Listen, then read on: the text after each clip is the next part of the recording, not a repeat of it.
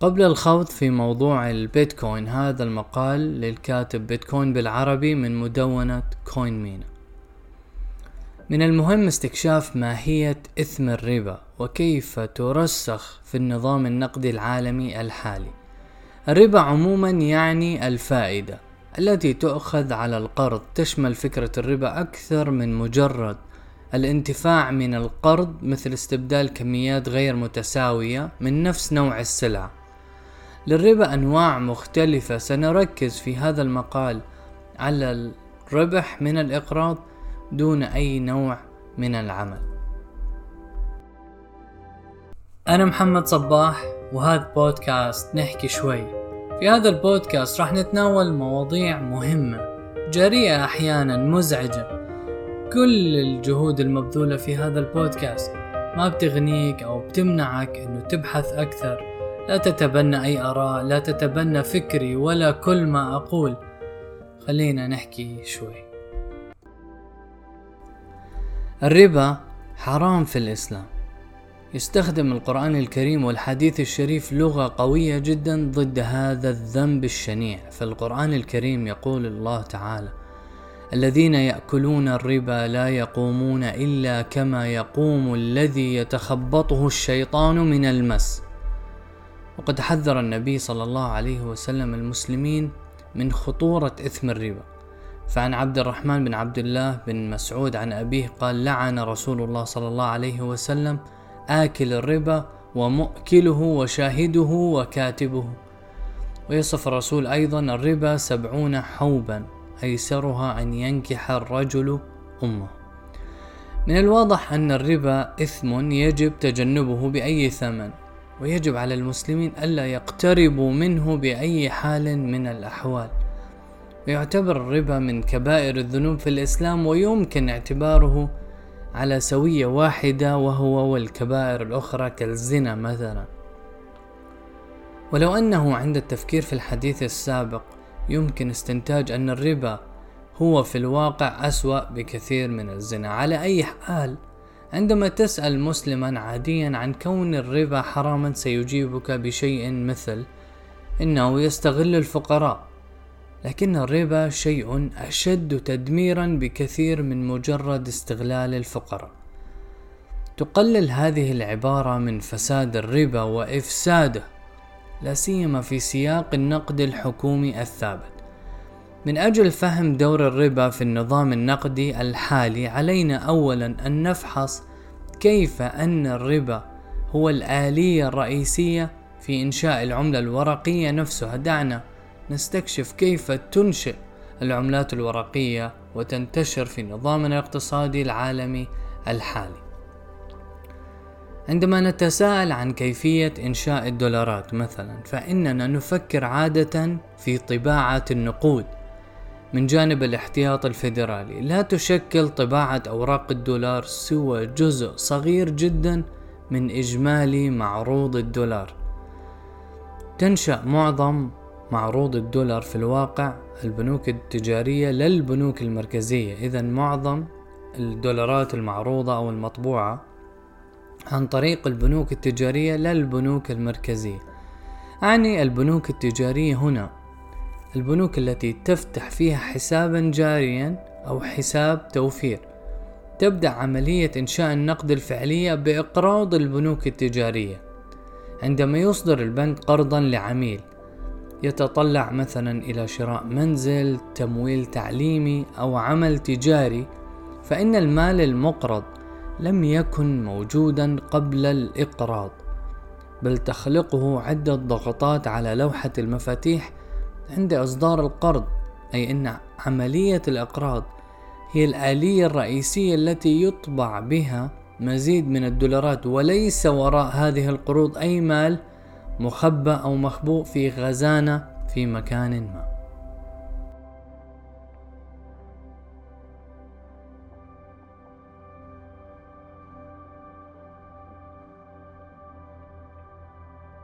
ما المشكلة في هذه الطريقة؟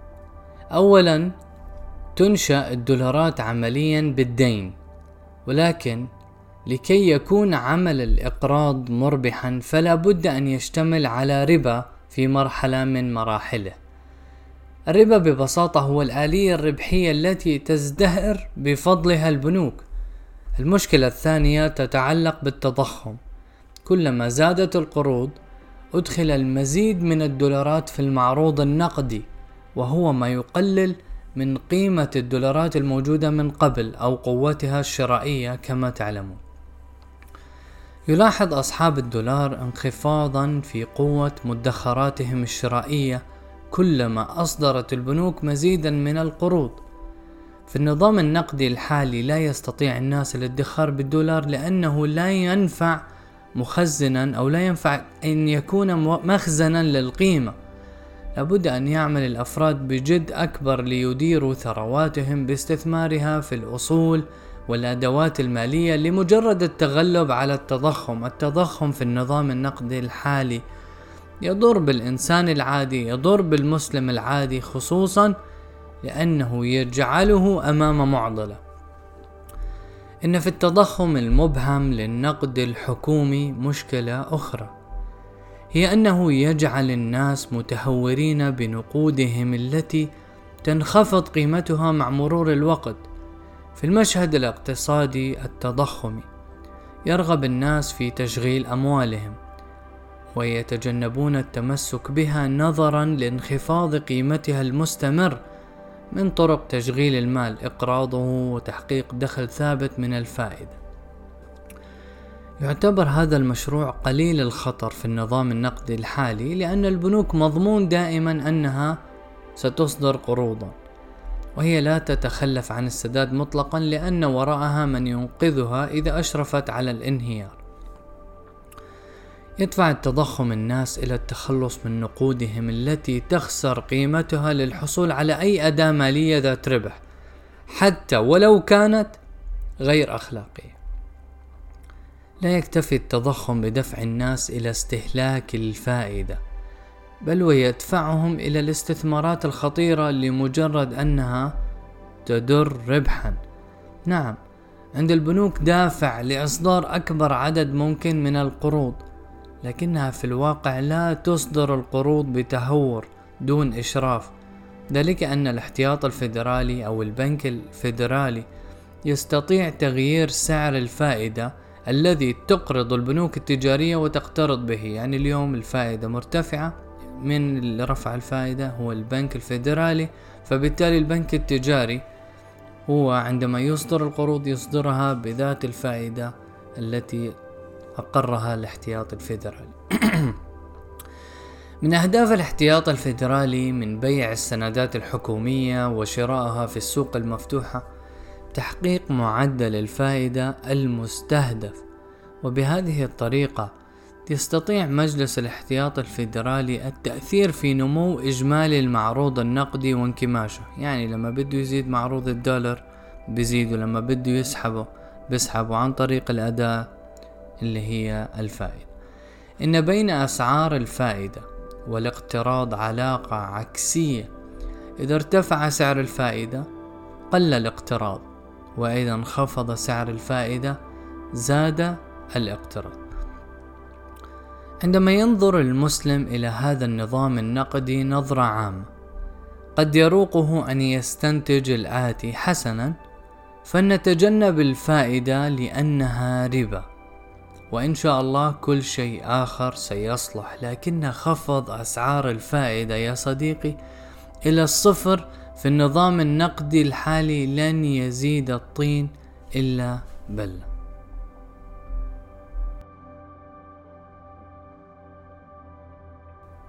أود أن أطلعك على هذا السيناريو. لنفترض أن أعضاء المجلس الاحتياطي الفيدرالي قرروا النطق بالشهادتين واعتناق الإسلام. الآن بعد أن أصبحوا مسلمين قرروا أنه لن يكون لديهم أسعار فائدة بعد الآن لأنها حرام حسب المعتقد الإسلامي.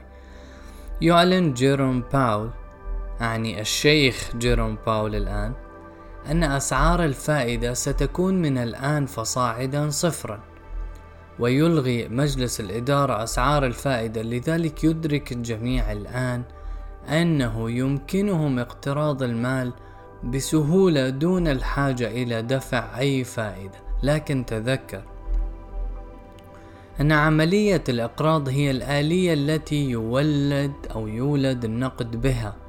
في هذه الحالة إذا ومع تزايد الاقتراض بين الناس سيرتفع التضخم جدا وتهبط قوة الدولار الشرائية وسترتفع أسعار السلع والخدمات ارتفاعا كبيرا. هذا السيناريو يوضح سيناريو السخيف يوضح أن سعر الفائدة على الديون في نظام الأوراق المالية لا يمكن إزالته ببساطة.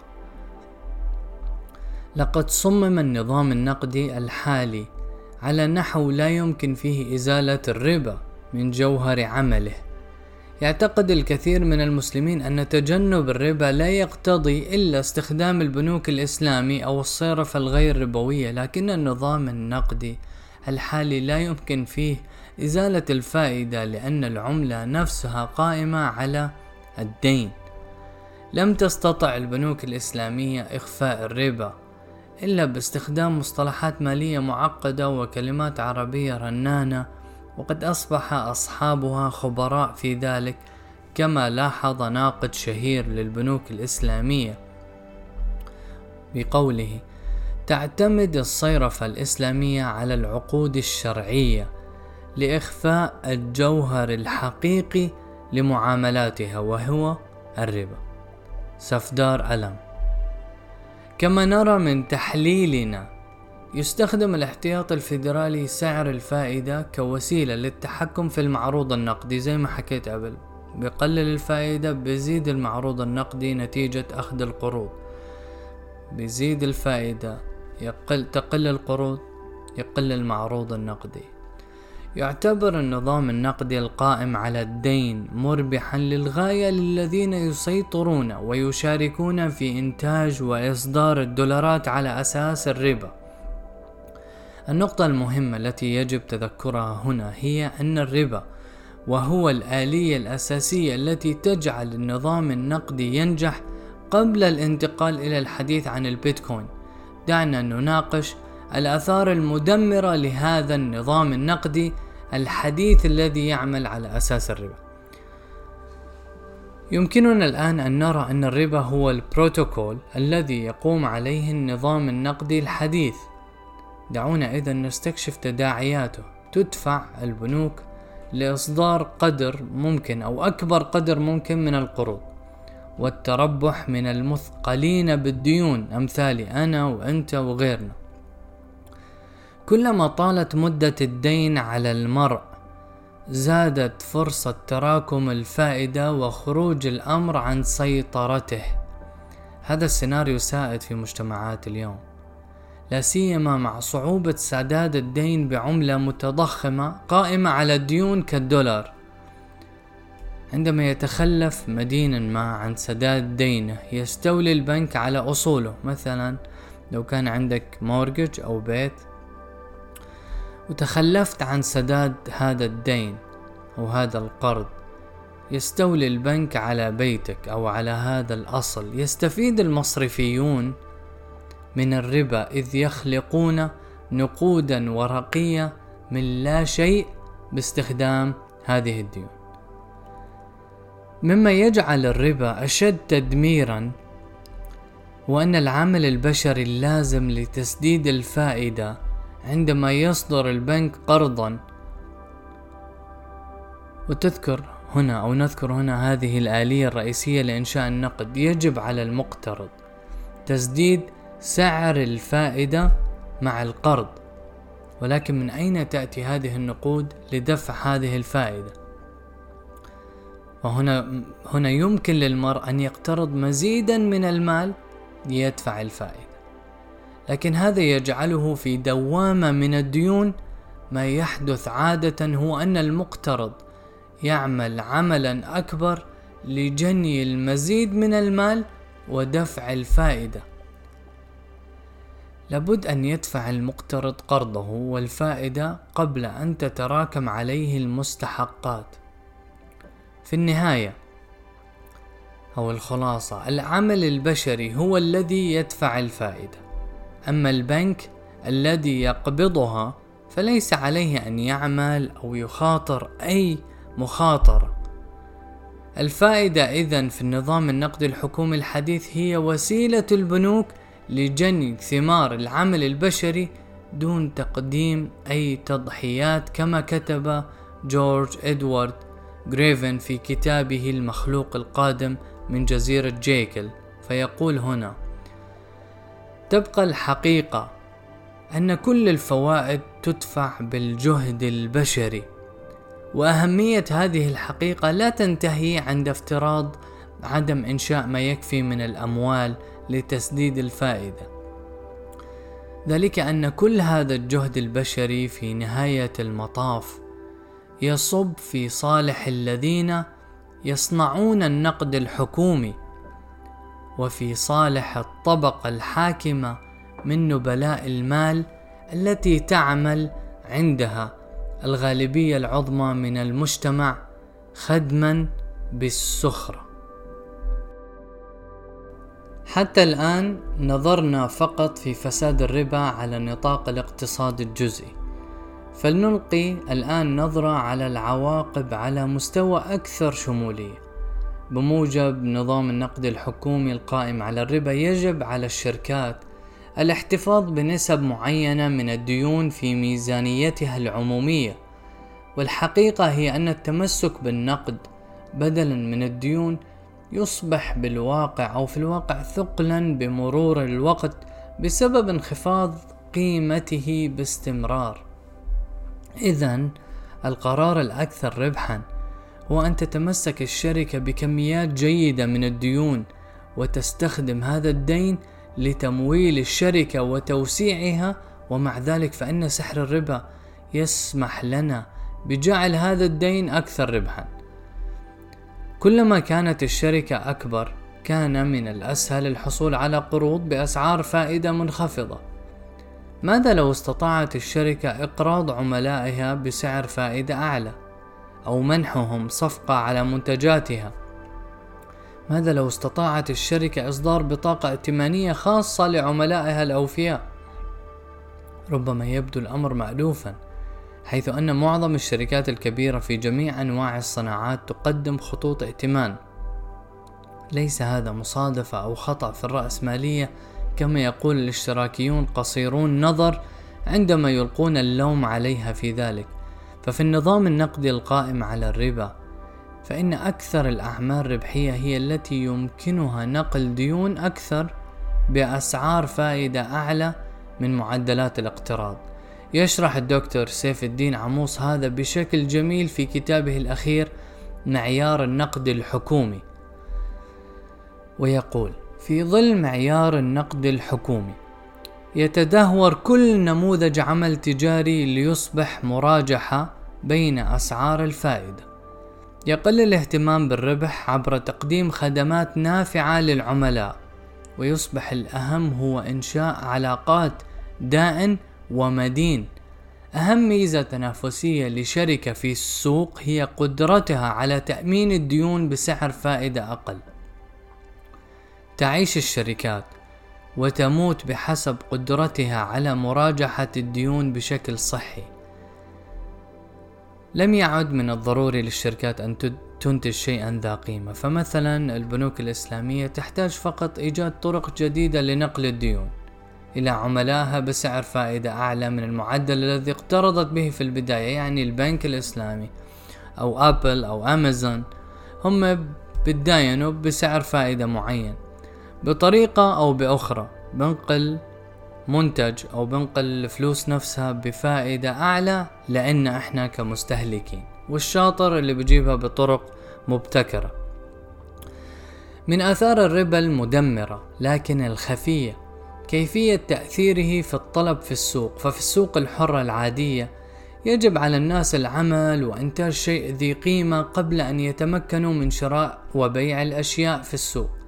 إذا لم تتمكن من إنتاج أي شيء ذو قيمة فلا يمكن أن تكون مشاركا في السوق إلا إذا كنت تعتمد على الآخرين مثل العائلة الأصدقاء للحصول على المساعدة هذا في السوق العادلة العادية فإذا أدخل الدين في النظام خلق طلبا مفتعلا مع دخول عملاء جدد إلى السوق فهذا الطلب المفتعل يرفع الأسعار لا بسبب زيادة الطلب الحقيقي على المنتجات لكن لأن المشاركين في السوق يستطيعون اليوم شراء أشياء بأموال لا يملكونها وارتفاع الأسعار هذا يصعب الحصول على المنتجات نفسها التي كانت أرخص في السابق. لا تنسى أن الأجور أو أجرك أو راتبك لم تتغير بعد لم ترتفع الأجور مع ارتفاع الأسعار واليوم هو أكبر مثال. الأسعار ارتفعت الرواتب مثل ما هي. إذا لم ترتفع الأجور مع ارتفاع الأسعار بل بقيت على حالها. إن هذا الوضع يزيد من احتمال تورط الناس في أنشطة إجرامية ليحصلوا على سلعهم أو أخذهم لمزيد من الديون ليستطيعوا المشاركة في السوق. لا عجب إذن إن أنجح الناس في السوق القائم على الدين هم المجرمون أو المصرفيون الذين يتربحون من الفائدة عبر إصدار هذه الديون. الآن دعونا ننظر أيضا في انتشار الربا وعواقبه على المستوى العالمي. من نقاشنا السابق قد يبدو أن الاحتياط الفيدرالي يعمل فقط في الولايات المتحدة ويؤثر فقط على المواطنين الأمريكيين ولكن هذا للأسف غير صحيح. هناك منظمات دولية متخصصة في نشر الربا في جميع أنحاء العالم. تتكون هذه الشبكة بشكل أساسي من بنك مركزي عالمي يسمى صندوق النقد الدولي IMF والبنك الدولي. هذه ليست نظرية مؤامرة. حرفيا من الجملة الأولى على صفحة ويكيبيديا للبنك الدولي تقرأ الآتي. مؤسسة مالية دولية تقدم القروض والمنح لحكومات البلدان المنخفضة والمتوسطة الدخل. هناك مؤسسات مصرفية عالمية أخرى مثل بنك التسويات الدولية بي آي إس وغيره لن نتحدث عنها في هذا المقال. من أين يحصل صندوق النقد الدولي والبنك الدولي على تمويلهما؟ لابد أن ننظر أولا في نشأة هذه المنظمات. مثلا تأسس صندوق النقد الدولي والبنك الدولي نتيجة مباشرة لاتفاقية بريتون وودز في عام 1944 كانت هذه الاتفاقية بالمصادفة الاتفاقية التي ربطت جميع العملات أو جميع العملات العالمية بالدولار. لتبسيط الأمر فإن الغرض من صندوق النقد الدولي هو العمل كبنك مركزي للعالم. وهو يعمل بطريقة مماثلة للاحتياط الفيدرالي الأمريكي لكن على نطاق أوسع يحصل صندوق النقد الدولي على تمويل من الدول على أساس نظام الحصص ويستطيع أن يخلق المال والقروض من لا شيء فعليا. يطلق على هذه القروض اسم حقوق السحب الخاصة. SDR يستهدف صندوق النقد الدولي في المقام الأول بلدان العالم الثالث التي يستطيع إصدار حقوق السحب الخاصة لها تحت مسمى الحد من الفقر وغيره من المثل الإنسانية. تأتي هذه القروض مع فوائد. ويعول صندوق النقد الدولي على عدم قدرة هذه البلدان على سدادها. يؤدي هذا إلى السيناريو المروع الذي أصبحت فيه العديد من دول العالم الثالث التي كانت أصلا مفلسة في البداية مفلسة ومدينة في نفس الوقت في ظل غياب وسيلة لسداد الديون أو الفوائد. وكما هو متوقع يهب صندوق النقد ليساعد هذه البلدان العاجزة عن السداد على إعادة هيكلة ديونها حتى تتمكن من مواكبة مدفوعات الفائدة دون هدف واضح لسداد الديون بالكامل.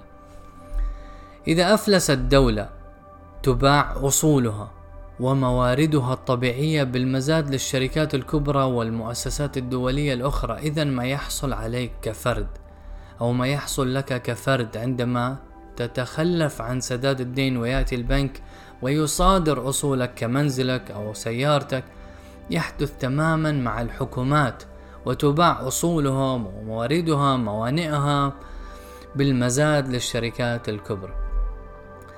إن تفاصيل كيفية إدارة صندوق النقد الدولي والبنك الدولي لاقتصادات البلدان الفقيرة خارج نطاق هذا المقال. إذا أراد القارئ معرفة المزيد فإن نقطة البداية الممتازة هي حلقة البودكاست أو البث الصوتي الذي نشرت مؤخرا وفيها يتحدث بريستون بيش وسام كالهان. عن كيفية إغراق صندوق النقد الدولي بلدان العالم الثالث بالديون والربا. النقطة المهمة هنا هي أن هناك شبكة مالية دولية تسعى للربح وامتصاص ثمار الجهد البشري. لم يكن هذا ليكون ممكنا لولا الربا فهو المكون الأساسي الذي يجعل إصدار الديون عملا مربحا. عندما يتسلح المرء بمعرفة كيف تؤذي الربا المجتمع وتهينه. يبقى السؤال إلى ماذا يؤدي الربا في النهاية؟ من الصعب معرفة النتيجة النهائية على وجه اليقين. ولكن ليس من الصعب تخيلها. عندما نرى فئة من المصرفيين النخبة تخلق وتتحكم في ديون العالم دون عناء فمن المنطقي وجود فئة عبيد لتحافظ على النظام الفاسد. الله أعلم لكنني أعتقد أن النتيجة النهائية لنظام الربا هي استعباد الإنسانية تماما بتجريدها من حقوقها وممتلكاتها وتعبيدها لهذه النخبة.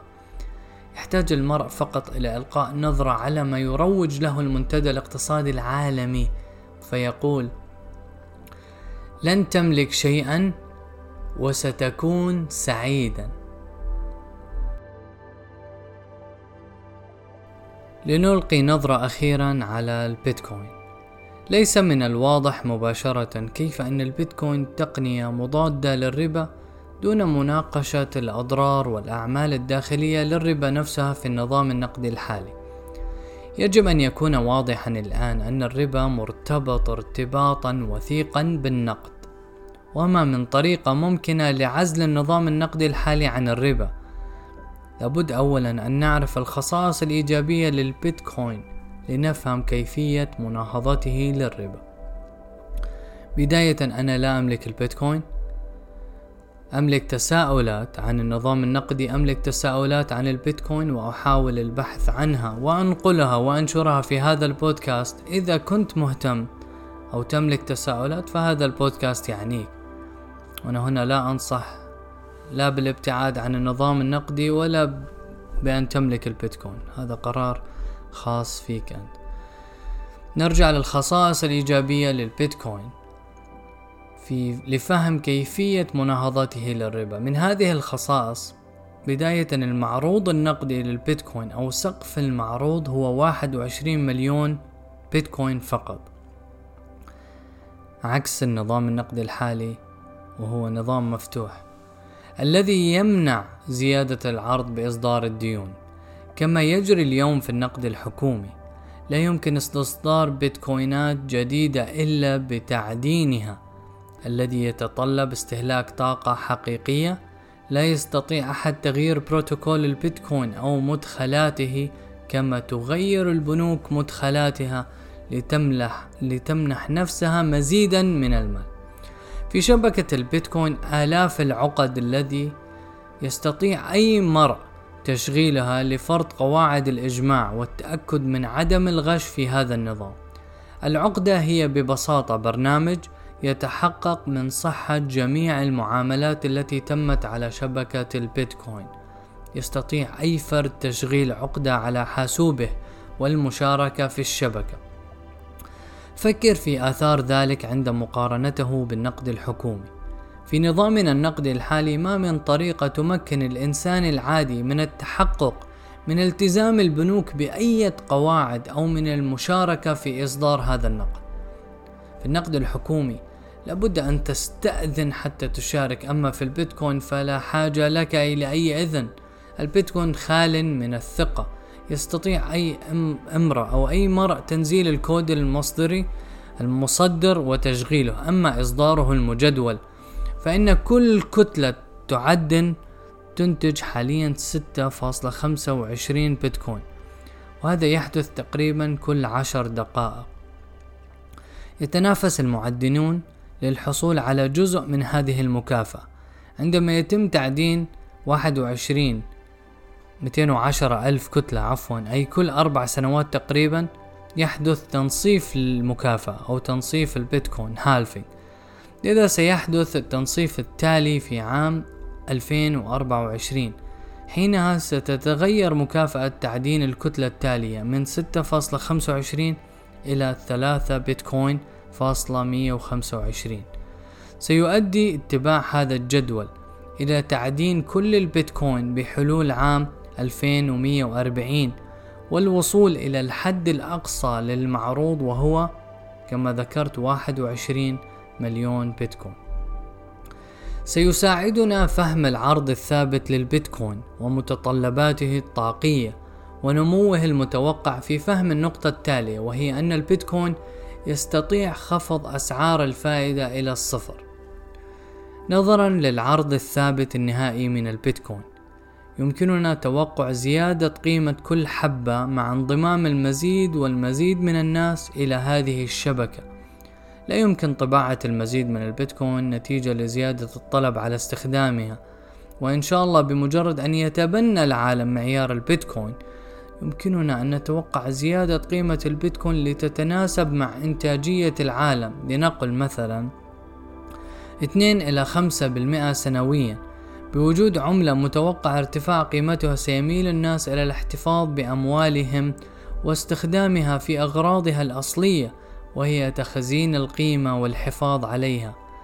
هنا يصبح الأمر مثيرا للاهتمام.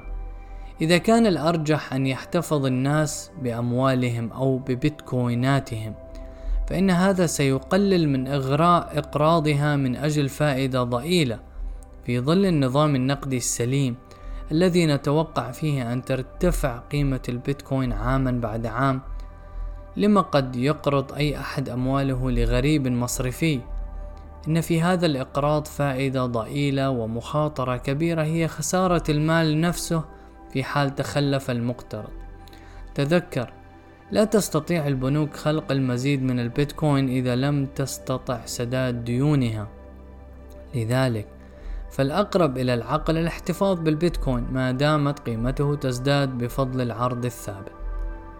ما يحدث على الأرجح هو أن الإقراض سيستمر ولكن فقط مع العائلة والأصدقاء لا مع الغرباء.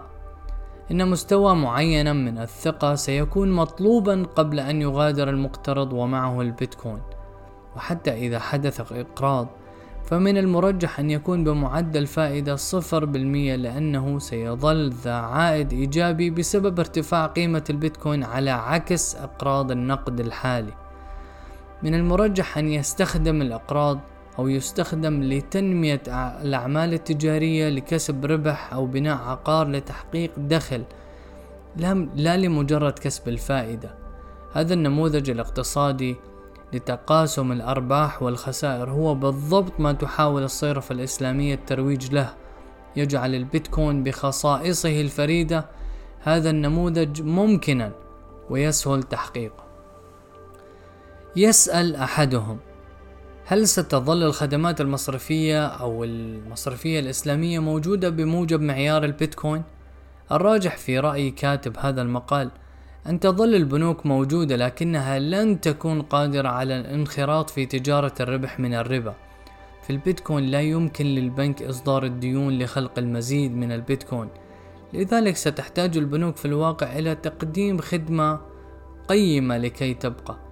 قد تقدم البنوك خدمة إدارة البيتكوين وتخزينه ولكن هذا على الأرجح لن يكون مربحا لعجزهم عن استخدام الربا بشكل فعال. تستطيع البنوك أيضا تسهيل اجتماع المستثمرين ورجال الأعمال لبدء المشاريع التجارية ولكن مهما كانت الأنشطة التي تعمل فيها البنوك فلابد أن تقدم شيئا ذا قيمة للمجتمع. ليس للمصرفيين بعد الآن أن يقطنوا أبراجهم العاجية ويسرقوا أعمال الآخرين بالربا كما كانوا يفعلون في نظام برهان الديون لإصدار النقد الحكومي.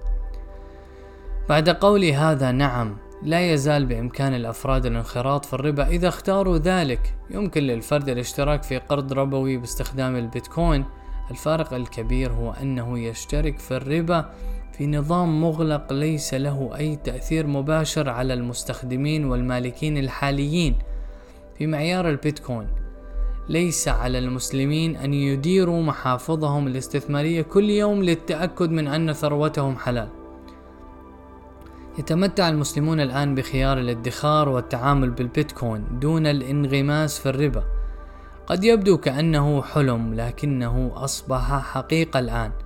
عندما تبدأ العملات التضخمية القائمة على الربا انهيارها سيحتاج العالم الإسلامي إلى الهجرة المالية إلى نظام نقدي مختلف. هل سيكون هذا النظام دولار ربوي على شكل عملة رقمية من البنك المركزي؟ أم سيكون التكنولوجيا المضادة للربا وهي البيتكوين؟